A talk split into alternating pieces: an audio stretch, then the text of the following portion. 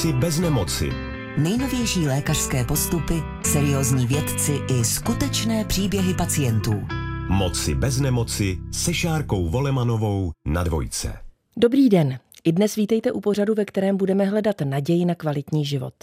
Věnovat se tentokrát budeme předčasným porodům a nezralým novorozencům. Unikátní stabilizace a resuscitace nezralých miminek jim pomáhá ve větší míře přežít a také snižuje riziko trvalých následků pro jejich život.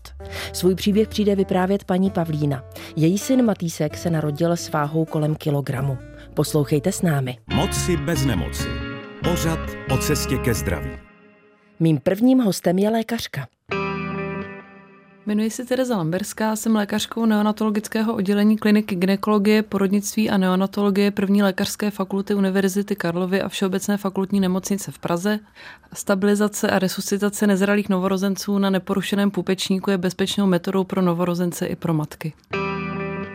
Paní doktorko, vítejte. Dobrý den.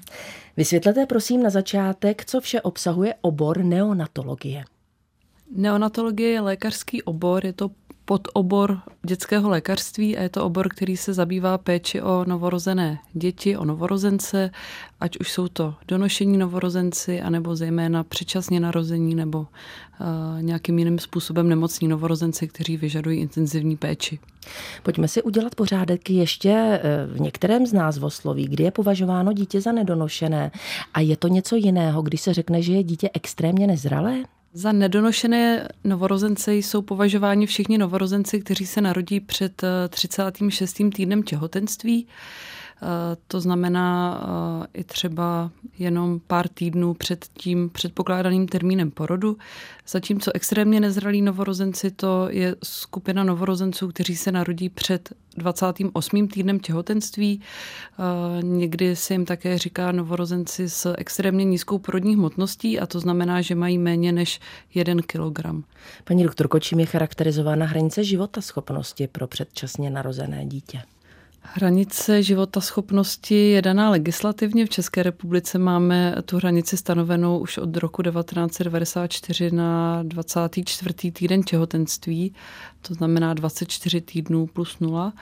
To je ta legislativně právně daná hranice, od kdy bychom měli to dítě zachraňovat, pokud se narodí.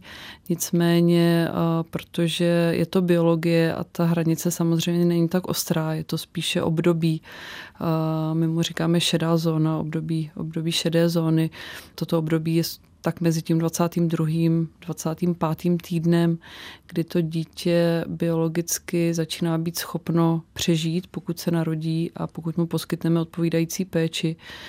A tím, že nejsme schopni u toho každého konkrétního dítěte eh, přesně stanovit tu hranici, tak samozřejmě eh, jsme schopni poskytnout tu péči i dětem, který, kteří se narodí ještě před tou hranicí viability, například v tom 23. týdnu těhotenství, pokud si to rodiče přejí. Paní doktorko, my si dnes budeme povídat o stabilizaci a resuscitaci nezralých novorozenců na pupečníku. O jakou unikátní metodu jde a v čem je nápomocná? Stabilizace nezralých novorozenců na pupečníku znamená, že toho novorozence stabilizujeme, to znamená podporujeme jeho životní funkce eh, ještě v době bezprostředně po porodu, kdy je spojen pupeční šňůrou společně s maminkou. Jedná se o prvních několik minut života toho dítěte. Během toho je to miminko spojeno pořád s maminkou. Ta maminka, pokud je to spontánní porod, tak se na to miminko může i sáhnout a to miminko využívá benefity té metody, té metody oddáleného podvazu pupečníku, kdy dostává krev z placenty navíc, dostává navíc železo, dostává navíc červené krvinky, které mu pomohou potom s tou adaptací bezprostřední po porodu. A zároveň mu můžeme poskytnout dechovou podporu, kterou nezbytně nutně potřebuje v prvních minutách života při té nezralosti plic. Eh, čili tato metoda eh, zlepšuje adaptaci novorozenců a může snižovat rizika závažných komplikací v průběhu toho novorozeneckého období.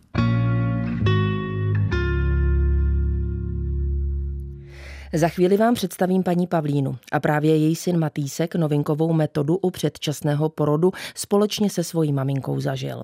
Ještě předtím si ale připomeňme, že rodičům předčasně narozených dětí pomáhá zapsaný spolek Nedoklubko. Mezi jejich základní cíle patří zvyšování informovanosti veřejnosti o problematice předčasného porodu a české neonatologii, posilování sounáležitosti rodičů takových dětí, sdílení příběhů a podpora rodin a zdravotníků, předávání relevantních informací o předčasném porodu, jeho příčinách a prevenci a podpora neonatologických oddělení v České republice. Více informací najdete na webových stránkách nedoklubko.cz. Moci bez nemoci se Šárkou Volemanovou. Na dvojce. Mým hostem ve studiu je paní Pavlína. Když mi lékař řekl, že půjdu na sál porodit předčasně svého syna, měla jsem strach o dva životy. O život svůj, o život svého děťátka. Byla jsem teprve ve 29. týdnu. Pavlíno, vítejte. Dobrý den. Otěhotněla jste začátkem roku 2023. Vzpomeňte, jaké bylo vaše těhotenství v počátku. No, bylo to úžasné, protože jsme se uh, s manželem na miminko velice těšili a prvních šest měsíců bylo opravdu bez komplikací. Naopak jsem se těhotenství velmi užívala. Dokonce jsme byli i na dovolené vlastně v pátém, v pátém měsíci v Portugalsku, krásně jsme si to užili, takže všechno bylo v počátku opravdu bezvadné. Vy jste zmínila tu dovolenou v Portugalsku, vlastně po návratu z ní se všechno začalo měnit. Jakým způsobem? Už tam byly v podstatě velmi vysoké teploty a mi začaly e, otékat nohy. Já jsem to teda přikládala e, tomu vlastně těm vysokým teplotám a i po návratu do České republiky to vlastně ustávalo, nebo ustávalo, vlastně to pořád přetrvávalo a v podstatě e, i tady byly velmi vysoké teploty na začátku července a na konci června. Vlastně jsem si říkala, že všechno asi bude spojené s tou teplotou a všechno je dobrý. Ovšem všechno se zhoršovalo. Vy jste pozorovala, že ten váš zdravotní stav není úplně ideální. Po jak dlouhé době jste se rozhodla navštívit lékaře? Já jsem tedy uh, vlastně den po návratu z dovolené ještě šla na uh, vlastně navštívu plánovanou prohlídku u ginekologa. Tam jsem měla vlastně ještě tlaky v pořádku, jen teda lehké otoky nohou, ale sestřice a panu lékaři už se to, nebo už ty otoky byly takové lehce podezřelé, takže mě objednali uh, o trochu dříve, než by bylo obvyklé. No ale během týdne se mi vlastně se ten můj stav zhoršil, nebo aspoň já jsem to tak cítila. Eh, ty otoky se eh, zhoršovaly a tak jsem se objednala eh, vlastně na ginekologii předčasně. Tam už mi vlastně zjistili velmi vysoký tlak, který mi měřili opakovaně a ty otoky se jim už opravdu nelíbily. To bylo 11. července. A pan doktor eh, bez váhání navrhl, abych se tedy objednala eh, někam do nemocnice, kde eh, se zabývají předčasnými porody vlastně nezralejších, nebo vlastně jedinců s těžkou nebo extrémní nezralostí. Já jsem v tuto chvíli byla v 27. týdnu těhotenství. Pavlíno, vím, že tehdy přišlo ještě z úst lékaře podezření na preeklampsi, jestli si to dobře pamatuju z vašeho příběhu. Paní doktorko, prosím vysvětlete, co to je preeklampsie. Preeklampsie je onemocnění, které je typicky vázáno na těhotenství. A nejčastěji se projeví ještě v průběhu těhotenství, v, některých případech může přijít v průběhu šesti nedělí. Ty příčiny preeklampsie nejsou přesně známé, je to pravděpodobně, mm, tam hraje roli imunologie, imunologické příčiny, je jasné, že ta preeklampsie je, napla- je jaksi naprogramovaná od počátku toho těhotenství, čili v dnešní době už je možnost eh, dělat screening preeklampsie v prvním trimestru a při vysokém riziku potom eh, se ta žena může léčit, eh, respektive dostává preventivně léky, které mohou snížit riziko rozvoje závažné preeklampsie před 35. týdnem těhotenství. Každopádně ta preeklampsie, když už se projeví, tak eh, eh, se projevuje typicky zvýšeným krevním tlakem, eh, zvýšeným nálezem odpadu bílkovin do moči a otoky. Pokud se ta preeklampsie neléčí jedinou léčbou v podstatě ukončení těhotenství a pokračuje dál, tak to může skončit až eklampsí, eklamptickým záchvatem, kdy ta žena dostává křeče, může být v bezvědomí a je to skutečně závažný život ohrožující stav, zejména pro tu ženu. To miminko u ženy, která má preeklampsii, eh, může také trpět, protože při té preeklamsi je postižená placenta, bývají tam zhoršené průtoky krve placentou, to znamená, že ta výživa miminka je horší. Miminko může zpomalovat svůj růst, může omezovat také svoji aktivitu, protože takzvaně šetří energii. Takže to se dá zjistit potom na ultrazvuku, že je tam zhoršený růst, zhoršené průtoky pupečníkem a může to být uh, také uh, důvod pro ukončení těhotenství uh, v situaci, kdy třeba na tom ta maminka ještě není tak zle, ale vidíme, že už, nebo porodníci vidí, že už miminku se přestává dařit, tak potom je to vlastně to těhotenství ukončeno z důvodu miminka. Pavlíno, vy jste vybrala nemocnici u Apolináře, kam jste šla. Tam byla vlastně tak preeklampsie, o které teď hovoříme, potvrzena. Už tam padla slova o předčasném porodu? Ano, ano, ta slova padla vlastně i hned ta preeklampsie se prokázala právě těmi eh, vysokými tlaky, které jsou opravdu extrémně vysoké, otoky, ale také bílkovinou v moči, která se projevila z krevních testů. Byla jsem eh, hospitalizována v oddělení rizikového těhotenství, kde jsem pobyla 8 dní, eh, než teda došlo k předčasnému porodu. Vzpomenete na ten okamžik a na ten pocit, kdy vám řekli, že ten předčasný porod je nevyhnutelný? Vlastně na jednu stranu jsem si absolutně nedokázala představit, co to, co to znamená, na druhou stranu jsem cítila nepopsatelný strach. Strach o sebe, strach o miminko, vlastně střídal se mi, oba strachy se mi střídaly, já nevěděla, o koho se mám bát více. Samozřejmě jsem se ale snažila být silná a všechno to zvládnout. Dnes si povídáme o rizicích předčasného porodu a za chvíli se budeme věnovat unikátní metodě stabilizaci a resuscitaci nezralých novorozenců na půpečníku. Mými hosty ve studiu jsou doktorka Tereza Lamberská, lékařka neonatologického oddělení kliniky ginekologie, porodnictví a neonatologie první lékařské fakulty Univerzity Karlovy a Všeobecné fakultní nemocnice Praha a maminka předčasně narozeného chlapečka paní Pavlína. Paní doktorko, potíže u paní Pavlíny se zhoršovaly k preeklampsii, o které jsme hovořili, se přidal ještě HELP syndrom. Možná ještě vysvětlete, o jakou komplikaci jde v tomto případě. HELP syndrom je komplikace preeklampsie, velmi vzácně se může vyskytovat sám o sobě, ale většinou bývá spojen s preeklampsí a je charakterizovaný hemolýzou, rozpadem krve, snížením počtu krevních destiček a postižením jater. Toto je skutečně závažný stav pro maminku, který může mít potom i dlouhodobé následky, čili je důležité, aby ženy, které prodělaly HELP syndrom, byly potom i po ukončení těhotenství dále sledované. A v naprosté většině případů eh, je jedinou možností, jak ten HELP syndrom skrotit, léčit v těhotenství je ukončení těhotenství. Takže je to příčina předčasného porodu, pokud jim žena trpí. Je to poměrně vzácná komplikace, postihuje zhruba 0,1% těhotných žen.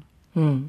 Pavlíno, tak my už eh, vlastně víme, že už jste byla stotožněna s tou myšlenkou, že ten předčasný porod je nevyhnutelný. Přišly tyhle ty komplikace, přesto přeze všechno, co říkala ultrazvuková vyšetření, jak se ještě v bříšku Matýskovi dařilo?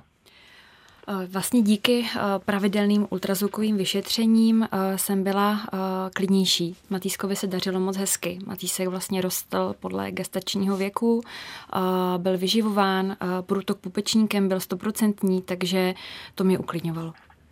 Co vám dávalo tu odvahu, sílu a vůbec to přesvědčení to zvládnout a věřit tomu, že to dobře dopadne? Co byly ty důležité věci? asi člověk potřebuje v takové chvíli. To určitě, to určitě. Samozřejmě uh, sestřičky a personál v nemocnici, kteří, kteří nás pozbuzovali, uh, určitě i maminky na pokojích, protože jsme mohli sdílet všechny emoce. Samozřejmě rodina a přátelé, bez těch by se to prostě neodešlo. a uh, také organizace Nedoklubko, jestli tady teda můžu zmínit, Udělejte ti mi velmi, velmi pomohli. Uh, díky nich jsem opravdu měla strach mnohem menší. S námi je teď ve spojení po telefonních linkách eh, možná někdo, kdo stál při vás z řad přátel, o kterých jste hovořila. Ve spojení s námi vaše kamarádka Irena. Ireno, vítejte v pořadu Moci bez nemoci. Dobrý den. Pavlína tady popisovala svůj příběh eh, těhotenství jako bezproblémový v prvním půlroce. Jak prožívala z vašeho pohledu ty následné komplikace, které přicházely?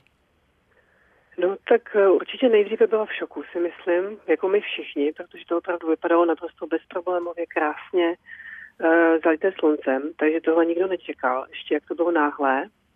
Uh, ani se nám tomu moc nechtělo věřit, uh, protože Pavlína vždycky měla trošičku větší strach o své zdraví, takže uh, někteří vím, že to brali trošičku na lehkou váhu. Nicméně ona byla jako hodně pozitivní, hodně věřila tomu, že to bude v pořádku, že Matýsek to všechno zvládne. Takže my jsme věřili taky, no, tam celkem jsme poslouchali vlastně to, co ona nám řekla a jenom jsme ji podporovali v tom, co sama říkala. Hmm. Co byla ta hlavní témata, co vám říkala, o čem jste mluvili? No, ona mi v podstatě vysvětlovala, co je ta preeklampsie a celý tady tyhle ty komplikace, protože já už jsem jako dvě děti v danou dobu měla malé, takže jsem nějak ty průběhy znala, ale tohle samozřejmě ne, takže ty naše hovory se točily kolem toho, o co se jedná, co může nastat a co dělat pro to, aby to nenastalo, co ona může udělat a co my jako přátelé, případně její rodina můžeme udělat pro to, aby ona se cítila dobře a aby byla prostě co nejvíc v pohodě. No. Je to asi velmi těžký úkol. Eh, vy jako osoba blízká, kamarádka Pavlíny, jak jste ji podporovala nebo jak jste se snažilo o to, aby se jí té podpory dostalo? No, já v podstatě jsem jí jenom řekla, že tady vždycky pro ní jsem, že kdykoliv může zavolat, kdykoliv za ní přijedu, když bude potřebovat, že se tomu staví dobře, že vlastně je pozitivní, že věří tomu, že to zvládne ona i její dítě. Eh, to u ní bylo jako hodně veliké, že, že tam byla cítit to, že tomu opravdu věří. Takže já jsem ji v tomhle jenom podporovala a sama jsem, pokud vím, dávala příklad, eh, v mojí rodině byly nějaké komplikace u švagrové, takže jsem říkala taky, že to vypadalo všelijak a zvládli to, že jsem se jí snažila jako podpořit tím, že, že prostě není jiná možnost, než že to dá. No. Ireno, otázka poslední. Vzpomínáte na moment, kdy jste se dozvěděla, že je malý Matýsek na světě?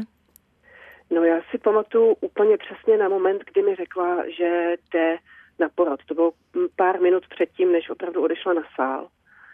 A já jsem to vůbec nečekala, protože jsem s ní mluvila den předtím a všechno vypadalo, že tam, že si v nemocnici prostě položí ještě měsíc a že to všechno jako bude dobrý. Takže vím, že jsem byla hodně v šoku.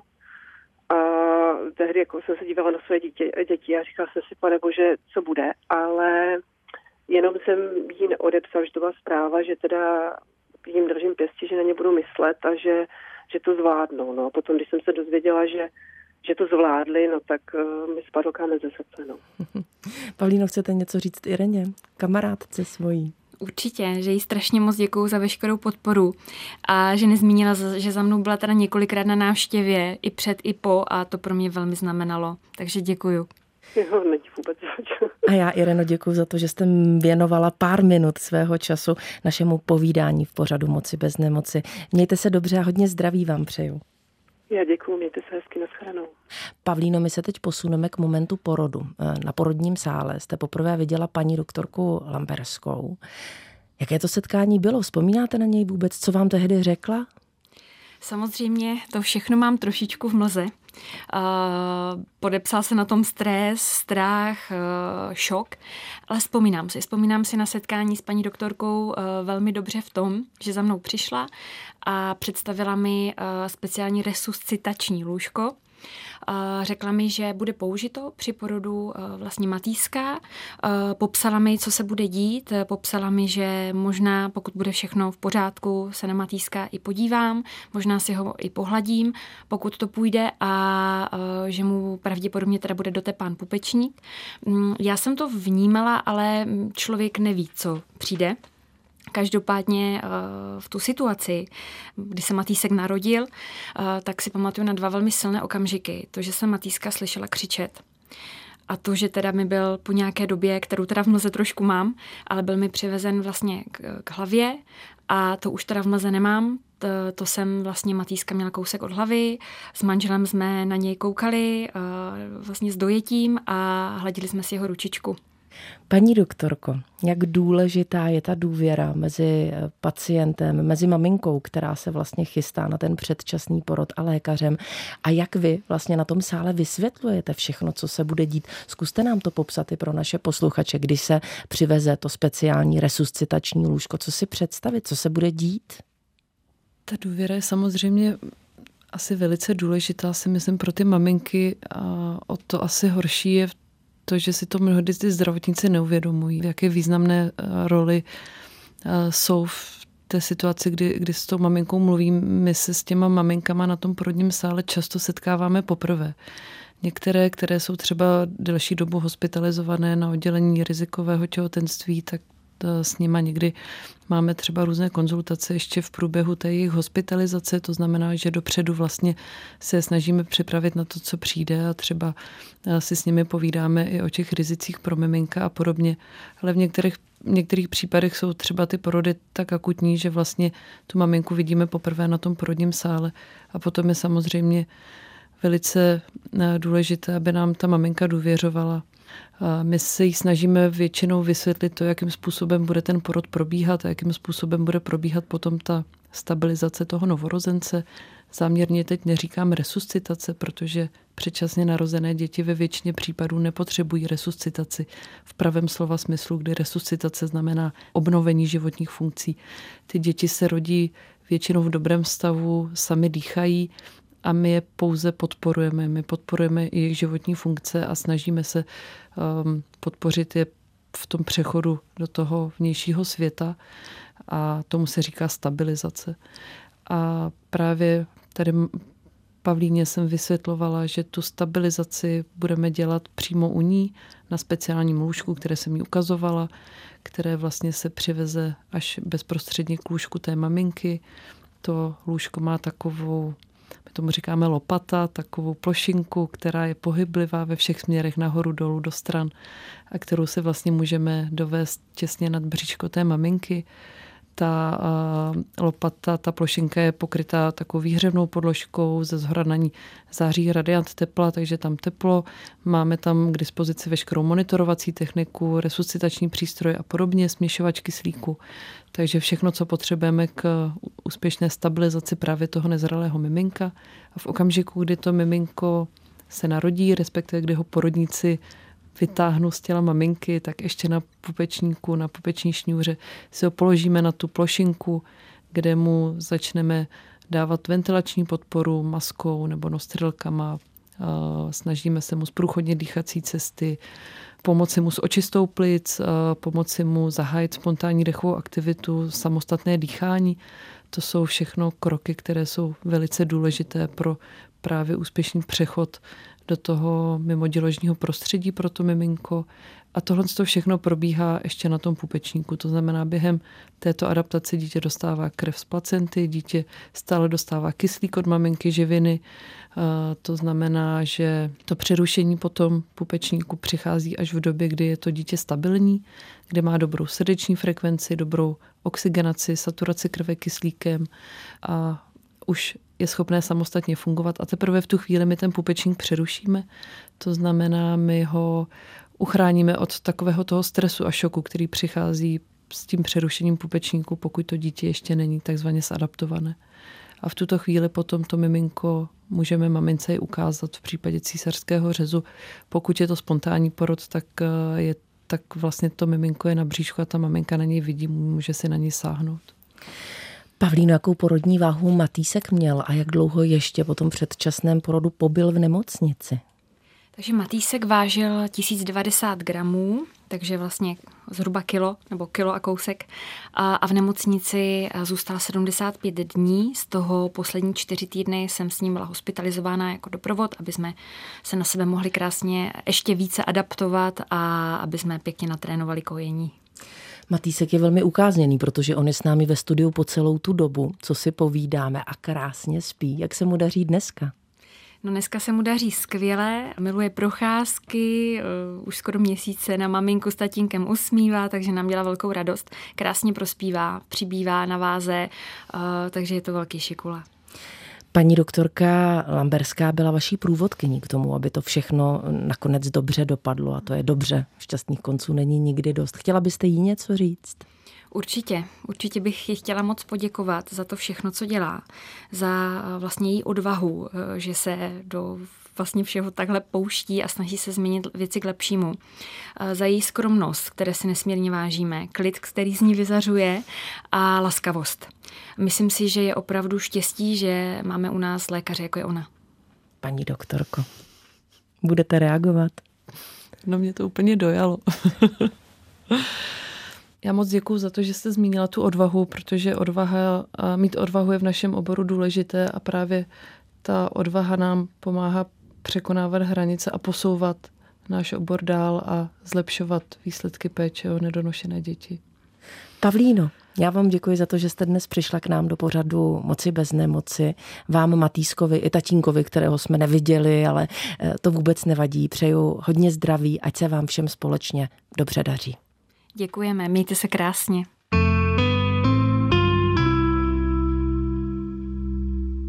Vám posluchačům Českého rozhlasu Dvojka přeji hodně zdraví, štěstí a naděje na život. Pokud vás zajímají další informace o předčasných porodech a jejich řešení, poslouchejte dále podcast pořadu Moci bez nemoci. Mým hostem ve studiu zůstává doktorka Teresa Lamberská, lékařka neonatologického oddělení kliniky ginekologie, porodnictví a neonatologie první lékařské fakulty Univerzity Karlovy a Všeobecné fakultní nemocnice Praha. Všechny díly pořadu Moci bez nemoci poslouchejte na dvojka.rozhlas.cz, v aplikaci Můj rozhlas.cz a v dalších podcastových aplikacích.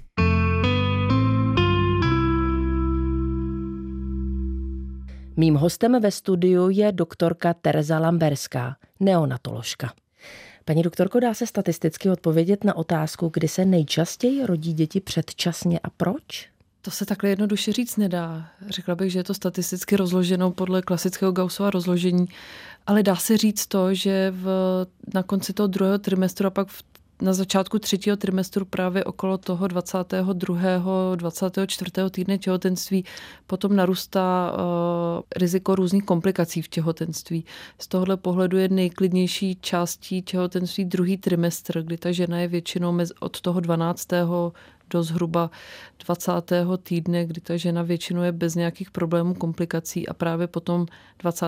týdnu eh, se často začínají projevovat nějaké problémy, které potom u některých mohou vést k předčasnému porodu. Mohli bychom uvést nějaké ty komplikace a potíže, o kterých hovoříte? Pokud se budeme bavit přímo o komplikacích, které mohou vést k předčasnému porodu, tak bychom si to měli rozdělit na předčasný porod z důvodu maminky, z důvodu dítěte. O některých komplikacích, které vedou k předčasnému porodu z důvodu maminky, jsme už mluvili. Jsou to ty typické těhotenské nemoci, jako preeklampsie, jako HELP syndrom. Jsou i další nemoci, které jsou časté v těhotenství a které mohou také vést k předčasnému porodu. Je to třeba eh, těhotenská cukrovka, která eh, často vede k nutnosti ukončení těhotenství před termínem. Eh, může to být také vysoký krevní tlak, který není preeklampsie, který je sám o sobě pouze vysoký krevní tlak, ale který je také vzniká u té ženy v souvislosti s těhotenstvím a ten potom také často vede k tomu, že je omezen průtok krve placentu, omezená výživa toho miminka, může to nakonec vést eh, k předčasnému porodu. Jsou to různé infekce, až 50% předčasných porodů je spojeno s infekcí. Je otázkou, jestli ta infekce vlastně je tou prvotní příčinou nebo je to sekundárním projevem třeba nějaké imunologické poruchy, ale nakonec je to tak, že ta žena rodí předčasně za příznaku infekce plodových obalů, infekce močových cest a podobně. Tyto infekce bývají často spojené právě s předčasným porodem, hlavně v okolo té eh, šedé zóny, okolo té hranice viability. Jak je to s genetikou a s dědičností? Eh, má to nějakou souvislost i s předčasnými porody, nebo tady vůbec ne? Jsou ženy, které popisují, že jejich maminky porodily předčasně, babičky eh, porodily předčasně. Někde naopak v některých rodinách jsou zase typická dvojčata, kdy dvojvaječná dvojčata jsou do jisté míry dědičná a zase, jak už jsem o tom mluvila, tak více četná těhotenství mají vyšší riziko předčasného porodu. Takže některé genetické souvislosti by se tam daly najít, ale určitě to není tak jednoduché, že bychom mohli říct, že je to dědičná záležitost, to ne. Jsou ohroženější chlapci nebo dívky? A dá se to vůbec tímhle způsobem rozdělit, kdy se tedy miminko předčasně narodí, jestli jsou u některého z pohlaví předpokládány větší možné komplikace? Ano, jsou. To, to se ví. V těhotenství mají vyšší riziko holčičky, více ženských plodů uh, umírá. Nebo se potrácí. A naopak rodí se více chlapečků, to platí i pro donošené novorozence, ten poměr je zhruba 106 chlapců na 100 dívek, ale po porodu v tom novorozeneckém období a potom i vlastně v další, během, během dětství jsou zranitelnější chlapci, více umírají, mají více komplikací, holčičky jsou šikovnější. Když se podíváme na ten předčasný porod a vím, že řeknete, že samozřejmě velmi důležité, ve kterém týdnu dochází k tomu předčasnému porodu, ale následně co se s miminkem děje, co s maminkou, jaký je ten následný proces, když to všechno dobře dopadne? No vy jste to zmínila, je strašně důležité, v kterém týdnu těhotenství. Pokud, se, pokud budeme mluvit třeba o Matýskovi, který se narodil právě na hranici extrémní těžké nezralosti s hmotností okolo jednoho kilogramu, tak tyto děti, pokud zvládnou dobře tu poporodní adaptaci a v tomto týdnu a s touto hmotností jich to zvládne naprostá většina, tam je v našich, na našem, konkrétně na našem oddělení více než 92% dětí v tomto týdnu přežije, tak tam potom samozřejmě takové miminko potřebuje ještě nějakou dobu intenzivní péči, potřebuje ve většině případů nějakou podporu dechu, na pár dní potřebuje většinou i umělou nitrožilní výživu. V některých případech ty děti potřebují antibiotika, právě pokud třeba ta maminka trpěla nějakým zánětem před porodem, během porodu. Zkrátka takovéhle dítě ještě nějakou dobu tráví na jednotce intenzivní novorozenecké péče. Ta maminka je po porodu, pokud to je porod císařským řezem, také na jipce jeden den, potom se většinou stěhuje na standardní pokoj a za miminkem dochází. Ta maminka je potom následně propuštěná zhruba po týdnu z porodnice a za miminkem dochází každý den kdykoliv. Maminka není návštěva, maminka může být a je to žádoucí, aby byla u, u miminka co nejvíc. Samozřejmě nejlepší by bylo, pokud by ta maminka mohla být s miminkem úplně od začátku a tohle je přesně koncept těch rodinných, rodinné intenzivní péče, který je celkem běžný už na západě, ale v České republice se to zatím teprve prosazuje a tím hlavním problémem jsou samozřejmě eh, finance a dispozice těch oddělení, protože na to, aby se přestavilo oddělení tak, aby tam mohla být maminka u miminka v inkubátoru od prvního dne, tak eh, je v podstatě potřeba to oddělení postavit úplně nově a na to ty peníze nejsou. Takže to je ještě pro nás hudba budoucnosti, ale je to ten směr, eh, kterým se eh, neonatologie ubírá eh, a je to i naše snaha, aby ty maminky byly co nejvíce s dětma a i v období, kdy to dítě je ještě závislé na intenzivní péči, tak aby ta maminka s tím miminkem trávila co nejvíce času.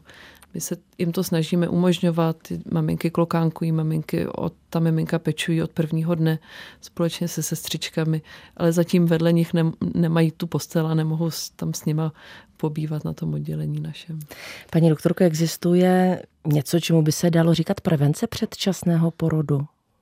Obecně se dá říct, že zdravý životní styl, péče o zdraví té ženy ještě třeba před otěhotněním je velice důležitý jako prevence předčasného porodu. To riziko předčasného porodu je vyšší také třeba u velmi mladých dívek, které otěhotní ještě před třeba 18. rokem věku, anebo naopak u žen, které už se blíží spíše přechodu, tak tam ta rizika narůstají, proto je velmi důležité plánovat i mm, rodinu, plánovat eh, těhotenství na období té třeba okolo té třicítky, kde ještě ta rizika nejsou tak vysoká, jako potom, eh, když se blíží věk ke čtyřicítce.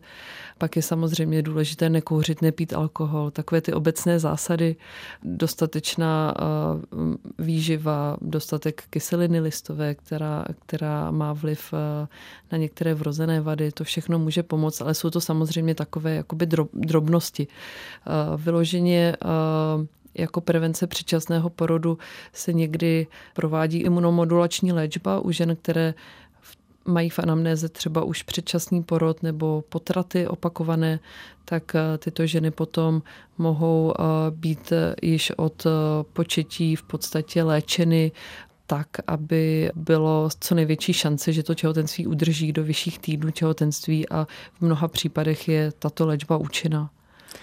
Paní doktorko, já vám děkuji za návštěvu dnes u nás v pořadu Moci bez nemoci, za práci, kterou děláte, za to zajímavé povídání a i k vám přání hodně zdraví. Moc vám děkuju a taky přeju hlavně hodně zdraví.